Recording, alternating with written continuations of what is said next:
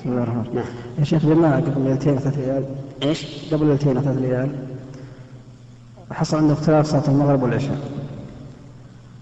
عند الوضوء. يكون بارد. ولا نستطيع نتيمم وفعلا هي عندك شخص شبغه وسخن من الماء قال له توضأ أنا جابرد قال انت يمن وتوضأ لأحمل ماء ويقول انه شديد الهواء. يقول لما توضيت بارد لازم أحط وجهه وجهه الهواء عشان ما يتاثر نعم. وجمعوا صلاة المغرب تقديم والعشاء مع المغرب. نعم. صلوا صلوا النافلة بخوف أن يقضى الوضوء واوتروا نعم. جواب. فهذه هذا العمل جمع أشياء.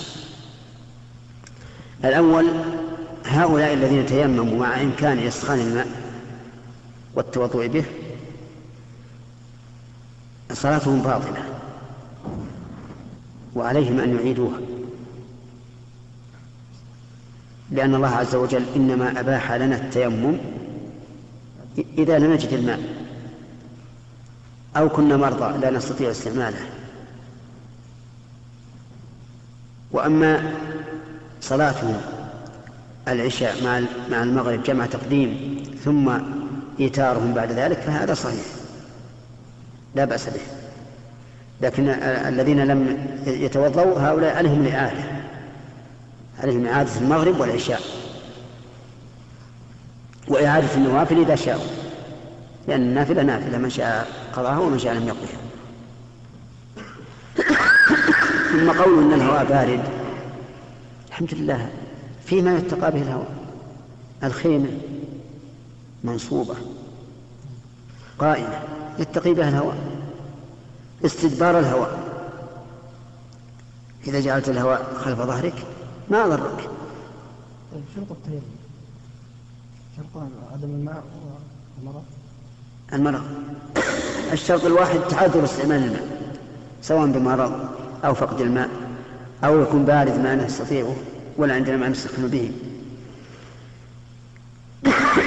سبحان الله. الناس إذا إذا خضعوا للكسل صار الشيء عندهم هينا. بمعنى أنه يهون عليهم تضييع الواجبات. كان الناس السابق يسافرون في الشتاء على الجمال ويتعرضون لمثل هذا البرد أو أكثر ومثل هذه الريح أو أكثر. يقفون على الغدير. قد جمد أعلاه ثلجا فيكسرون الثلج ويغتسلون به. يكسر الثلج ويغتسل بالماء الذي تحته.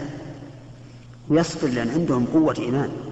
وإن كنا لا نوافقهم على هذا العمل لأن هذا يخشى منه على النفس لكن مع ذلك ما يهتموا بها وهؤلاء يسخلوا من ويقول ما, ما من توضأ نخاف إذا إذا زالت سكونته نبرد. سبحان الله. الله المستعان نعم. نعم. الله عنك بعض العوام إذا وجد الماء بارد. يتيمم مباشرة ولا يسخنه هل يؤمر بقضاء الصلوات القديمة؟ نعم. الذي يتوضا الذي يتيمم مع كي مع إمكان استعمال الماء بعد التسخين عليه أن يعيد الصلاة أن يقضي الصلاة.